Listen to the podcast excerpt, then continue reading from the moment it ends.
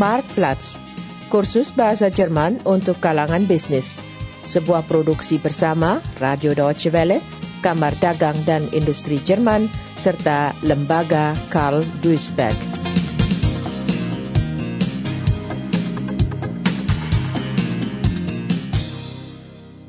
Episode 13 Investasi langsung di luar negeri Tamu itu datang tanpa menelpon sebelumnya dan tanpa membuat janji terlebih dahulu. Ini tidak sesuai kebiasaan yang berlaku dan kurang berkenan di hati si sekretaris. Untuk sementara, ia tidak akan mempersilahkan tamu itu menemui atasannya, apalagi seperti yang diketahui kemudian, Pak Hunacek sedang menganggur.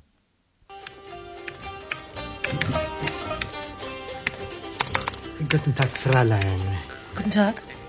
Was kann ich für Sie tun? Ich würde gern mit Herrn Vertriebsleiter Miller sprechen, bitte. Wie ist Ihr Name, bitte? Bitte, Runacek, bitte. Haben Sie einen Termin? Äh, Nein, aber es ist sehr wichtig für mich, dass ich ihn jetzt sprechen kann. Ich möchte Herrn Miller äh, eine Geschäftsidee äh, machen. Wir kennen uns auch flüchtig. Ja, wissen Sie, das ist im Moment sehr schwierig. Herr Müller hat nur sehr wenig Zeit. Äh, Von welchem Unternehmen kommen Sie denn bitte? Naja, das ist. Äh, äh, zurzeit bin ich äh, arbeitslos. Aber noch vor drei Jahren äh, habe ich äh, für tschechoslowakische Stadt gearbeitet. Ich habe den Export von Pinsel- und Bürstenkombinat geleitet. Und deswegen bin ich halt hier. Soviel ich weiß, produzieren Sie Malerwerkzeuge hier. Und da wollte ich Herrn Miller einen äh, Vorschlag. Ich verstehe. Ja. Dann müsste ich Sie aber bitten, vielleicht morgen noch einmal zu kommen. Herr Müller ist nämlich gerade in einer sehr wichtigen Besprechung und anschließend hat er... Braun, könnten Sie mir eine Tasse Kaffee? Herr Miller. Kennen Sie sich irgendwoher? Guten Tag, Moment mal, Sie sind doch Herr Hundertzek vom tschechischen Pinsel- und Bürstenkombinat. Haben Sie doch vor zwei Jahren auf der Messe in Köln kennengelernt. Ganz genau. Pak Müller, kepala bagian penjualan, rupanya memang mengenal Pak Hunacek yang pernah bekerja di gugus produksi kuas dan sikat Czekia. Gugus produksi itu pernah memasok rol kecil untuk mencat ke Jerman. Si sekretaris membuatkan kopi dan perbincangan pun dimulai. Schön, dass Sie sich an mich erinnern. Natürlich. Sie haben mir damals doch nach der Messe diese kleinen Farbroller geliefert. Genau, genau. Kommen Sie doch herein, Herr Hundertzek. Dankeschön, Herr Miller. Fräulein Braun, machen Sie uns doch bitte einen Kaffee. Ach ja, und ich möchte nicht gestört werden. Wenn jemand kommt, sagen Sie, es ist in einer wichtigen Besprechung. Ja, selbstverständlich, natürlich. Aber bitte setzen Sie sich doch, Herr Hundertzek. Äh, Dankeschön. Pak Hunacek ternyata minta berhenti. Kondisi gugus produksi betul-betul parah. Pihak manajemen bekerja tanpa arah dan sekedar berhitung pun mereka tidak sanggup. Kebangkrutan badan usaha itu hanya soal waktu saja. Ja, das ist es gerade, warum ich zu Ihnen komme. Ich habe gekündigt beim Pinsel- und Bürstenkabinett. Das geht nicht mehr weiter dort. Das Management ist ziellos und rechnen können die auch nicht. Kasten spielen für die überhaupt keine Rolle mehr. Das Werk ist hoch überschildert. Es ist nur eine Frage von Zeit, dann geht der Laden den Bach runter. Nur da habe ich schon einmal gekündigt, bevor es soweit ist. Oh, sehr schade. Ich würde Ihnen natürlich gern helfen, aber ich glaube, ich kann Ihnen keine Ihrer Qualifikation entsprechende Na, Stelle nein, bieten. Herr, Herr Miller, darum geht es mir gar nicht.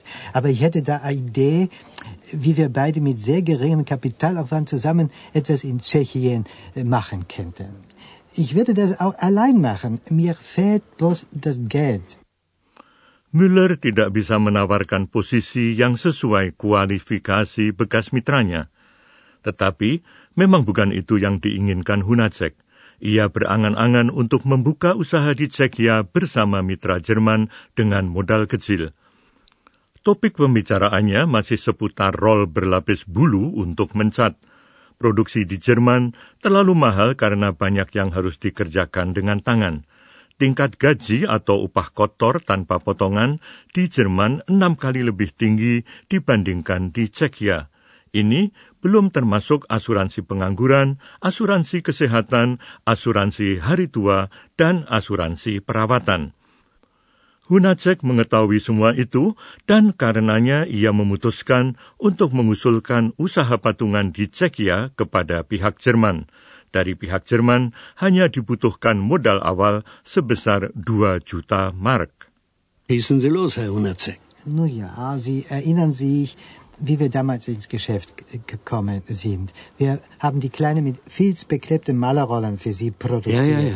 Sie sagten, solche Rollen könnten Sie in Deutschland nicht produzieren. Das sei hier viel zu teuer wegen der vielen Handarbeit da drin. Und in Deutschland seien die Löhne dafür zu hoch. Deswegen haben Sie die kleine Rolle bei mir gekauft. Ja, ja, ja, sicher. Sie wissen ja, wie hoch die Lohnkosten in Deutschland sind. Allein der Bruttolohn ist mindestens sechsmal so hoch wie in Tschechien. Ja. Dazu kommen die Lohnnebenkosten, Arbeitslosenversicherung, Krankenversicherung, Rentenversicherung und jetzt auch noch die Pflegeversicherung. Und noch mehr rationalisieren ist auch nicht mehr drin. Da lässt sich nichts mehr rausquetschen. Arbeitsintensive Produkte können wir eben nicht mehr herstellen. Deswegen würde ich Ihnen ja auch jederzeit solche kleinen Rollen abkaufen. Aber ich verstehe nicht ganz. Sie haben doch gekündigt beim Kombinat, oder? Ja, eben. Und jetzt möchte ich mich selbstständig machen. Mit dem nötigen Startkapital von, no, äh, sagen wir zwei Millionen Mark, Ei. wird das äh, einfach. Ja, ich weiß nicht, also zwei Millionen Mark ist eine Menge Geld. Aber Ihre Idee klingt interessant. Darüber müsste ich natürlich erst mit dem Geschäftsführer sprechen. Ja. Aber ich glaube, die Chancen stehen nicht ganz schlecht. Oh. Wir hatten nämlich ohnehin vor, uns nach einem Standbein im Osten umzusehen. Herr Hundertz, da bleiben wir mal. Ich rede mit dem Geschäftsführer.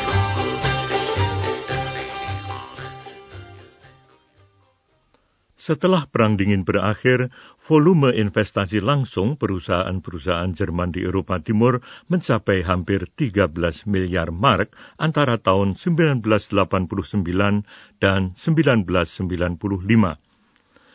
Berbagai bentuk kerjasama menjadi pilihan. Akuisisi, badan usaha milik negara yang diswastakan, pendirian anak perusahaan, atau pembelian saham – Tawaran untuk menggalakkan produksi rol untuk mencat, suatu pekerjaan padat karya, di Cekia dianggap menarik oleh pimpinan perusahaan Jerman. Dan dengan demikian, Pak Müller pun naik kereta api ke Praha bersama pemerakarsa usaha patungan dari Cekia. So, Herr Hundertzek, wo ist denn unser Abteil? Die Nummer 87. Ja, Das ist Ihre Sitznummer, Herr Müller. Ja, hier sind wir jetzt schon. So, jetzt geben Sie mir mal Ihren Koffer. So, ja, das wäre jetzt geschafft. Ja, gehen Sie doch. So. So, Ja, vielen Dank. setzen wir uns. So, sagen Sie, Herr Hundertzek, wohin genau fahren wir eigentlich? Wo liegen Ihre Produktionsstätten? Na ja, äh, wir fahren nach Perimov. Das ist ungefähr 100 Kilometer im Süden von Prag.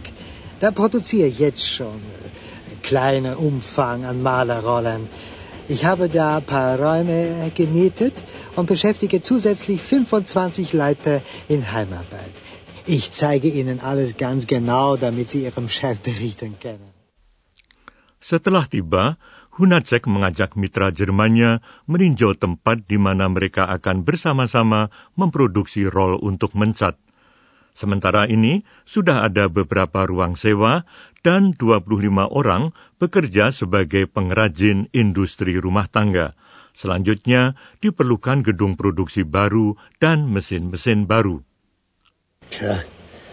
Wenn wir zusammen in größerem Umfang produzieren wollen, wird das so natürlich nicht mehr weitergehen.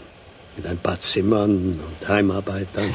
Ja, das stimmt, da brauchen wir richtige Produktionshalle. Die kann ich eben allein nicht finanzieren. Ich hoffe da auf Ihre Hilfe. Ja, wenn das mal so einfach wäre. Denn mit einer neuen Produktionshalle ist es ja nicht getan. Da müssten noch neue Maschinen her. Ja, wir müssten dann auch Leiter an neuen Maschinen ausbilden. Vielleicht ist es am besten, wenn wir Maschinenführer bei Ihnen in Deutschland schulen. Aber entschuldigen Sie, ich will Sie nicht drängen. Schauen Sie sich erst einmal alles an in Perchimov. Dann können Sie in aller Ruhe entscheiden. Sebaiknya pihak mitra jangan didesak-desak.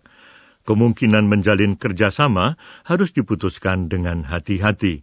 Memindahkan sebagian produksi ke luar negeri tidak selalu menguntungkan bagi perusahaan Jerman. Dieter Mankowski, pejabat Kamar Dagang Jerman Cekia di Praha, menggarisbawahi bahwa semakin sedikit pengusaha pindah ke Cekia untuk menggiatkan produksi berbiaya rendah dengan tujuan reekspor ke Jerman. Banyak yang ingin berproduksi untuk pasar setempat. Sebuah negara dengan 10 juta penduduk tentu saja bukan pasar yang besar, namun, bidang atau cabang industri tertentu tetap dapat meraih keuntungan. Selain itu, perlu diperhatikan bahwa perekonomian berada dalam tahap transformasi dan bahwa cabang industri yang sebelumnya tidak ada kini bermunculan. Sebagai contoh, dapat disebut bidang desain atau pengemasan.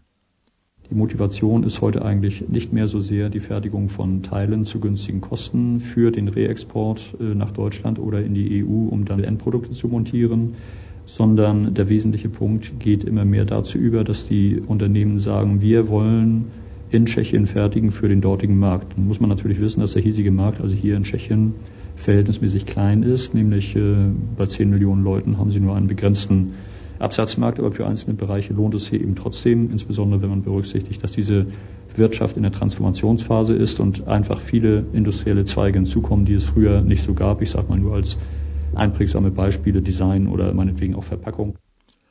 Pengusaha Jerman lebih suka memulai kegiatan produksi di negara-negara yang telah mengambil langkah serius dalam rangka reformasi perekonomian. Negara yang tertinggal di segi ini, misalnya Rusia, lebih dipandang sebagai pasar penjualan.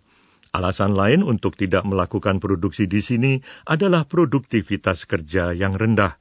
Perubahan peraturan pajak yang sering kali tak terduga juga membuat para penanam modal menjadi jera. Perusahaan asal Wuppertal, Storchwerke, sudah lebih dari 100 tahun memproduksi alat-alat tukang cat – Selama beberapa waktu, perusahaan itu mengimpor roll untuk mencat dari negara-negara Asia yang mempunyai tenaga kerja murah. Tetapi pada tahun 1991 diputuskan untuk mendirikan fasilitas produksi sendiri di Cekia. Michael Rogus, salah seorang pemegang saham mayoritas, menjelaskan Keputusan tersebut diambil karena produksi di cabang-cabang industri yang padat biaya tenaga kerja nyaris mustahil dilakukan di Jerman. Man muss ganz klar sagen, in vielen Bereichen, die eben sehr lohnkostenintensiv sind, ist eine Produktion hier in Deutschland fast ausgeschlossen. Kecuali itu segera terungkap bahwa di Cekia terdapat pasar untuk produk-produk yang dihasilkan Storchwerke, Kecenderungan yang sama juga terlihat di Polandia. Perusahaan Storchwerke pun mulai menggarap pasar Polandia. In Tschechien merken wir es, dass äh, dort, seit wir die Produkte zum Teil selbst produzieren können, unsere Marktchancen eben deutlich gewachsen sind. Und äh, in Polen merken wir etwas Ähnliches. Dort beginnen wir, äh, den Markt auch zu bearbeiten, wollen verkaufen und stellen eben fest, dass uns eine eigene Produktionsstätte äh, vor Ort eben helfen würde, die wir aber da jetzt zurzeit noch nicht haben. Perusahaan yang memproduksi barang di tempat barang tersebut hendak dijual bukan hanya menghemat biaya upah dan transport. Para pegawai lokal lebih mengenal kebutuhan para pelanggan. Masyarakat Eropa Timur, misalnya, cenderung memilih produk yang lebih murah meskipun kalah dari segi mutu. Setelah keruntuhan tirai besi, perusahaan Storchwerke membuka kembali hubungan lama dengan pemasok dari Cekia, sebuah badan usaha milik negara. Badan usaha tersebut mengalami kesulitan ketika menghadapi pesaing-pesaing dari Barat. Beberapa pegawai memilih berwirausaha. Dengan merekalah perusahaan Storchwerke ingin menjalin hubungan. Michael Rogus bercerita. Wir hatten dort einen Lieferanten, der Farbroller produziert hat. Und das war ein Staatsbetrieb. Dieser Staatsbetrieb äh, ist, wie das im Osten von Europa eben häufig war, in Schwierigkeiten geraten durch die Marktöffnung und durch den Fall der Mauer. Die mussten sich den westlichen Wettbewerbern stellen. Und im Gefolge dieser Schwierigkeiten haben sich dort Mitarbeiter selbstständig gemacht oder haben das Interesse auch bekundet, sich selbstständig zu machen. Und aufgrund dieser Kontakte, die wir da schon hatten, haben wir angefangen, mit diesen abgespaltenen Firmenteilen, die sich dann selbstständig gemacht haben, eigene Lieferantenbeziehungen aufzubauen. Menurut kontrak, Mitra Tsekia seharusnya menyetorkan 37 persen dari modal usaha patungan itu. Tetapi karena ia tidak mempunyai uang, Storchberge memutuskan untuk memberi pinjaman sebesar dana yang diperlukan. Jörg Beifus, pegawai Institut Industri Jerman, membenarkan. Pembagian kerja internasional bukan jalan satu arah. Negara penerima mendapat manfaat berupa penciptaan lapangan kerja, Keuntungan kedua adalah penguasaan teknologi canggih yang kemudian mempercepat pembangunan. Eine internationale Arbeitsteilung äh, mit den Ländern Mittel- und Osteuropas ist für beide Seiten eine gute Geschichte. Äh, internationale Arbeitsteilung ist nie Einbahnstraße, ist immer ein Geben und ein Nehmen. Für das Nehmerland liegt der Gewinn auf sehr vielen äh, Ebenen. Zum einen, es werden natürlich dort Arbeitsplätze geschaffen mit den Investitionen. Zum zweiten wird mit den Investitionen hochmodernes äh, technologisches Know-how, Know-how über Organisations- und Produktionsverfahren dorthin verlagert. Es findet dort also ein Lernprozess statt. Es findet dort eine Beschleunigung des technischen Fortschritts statt.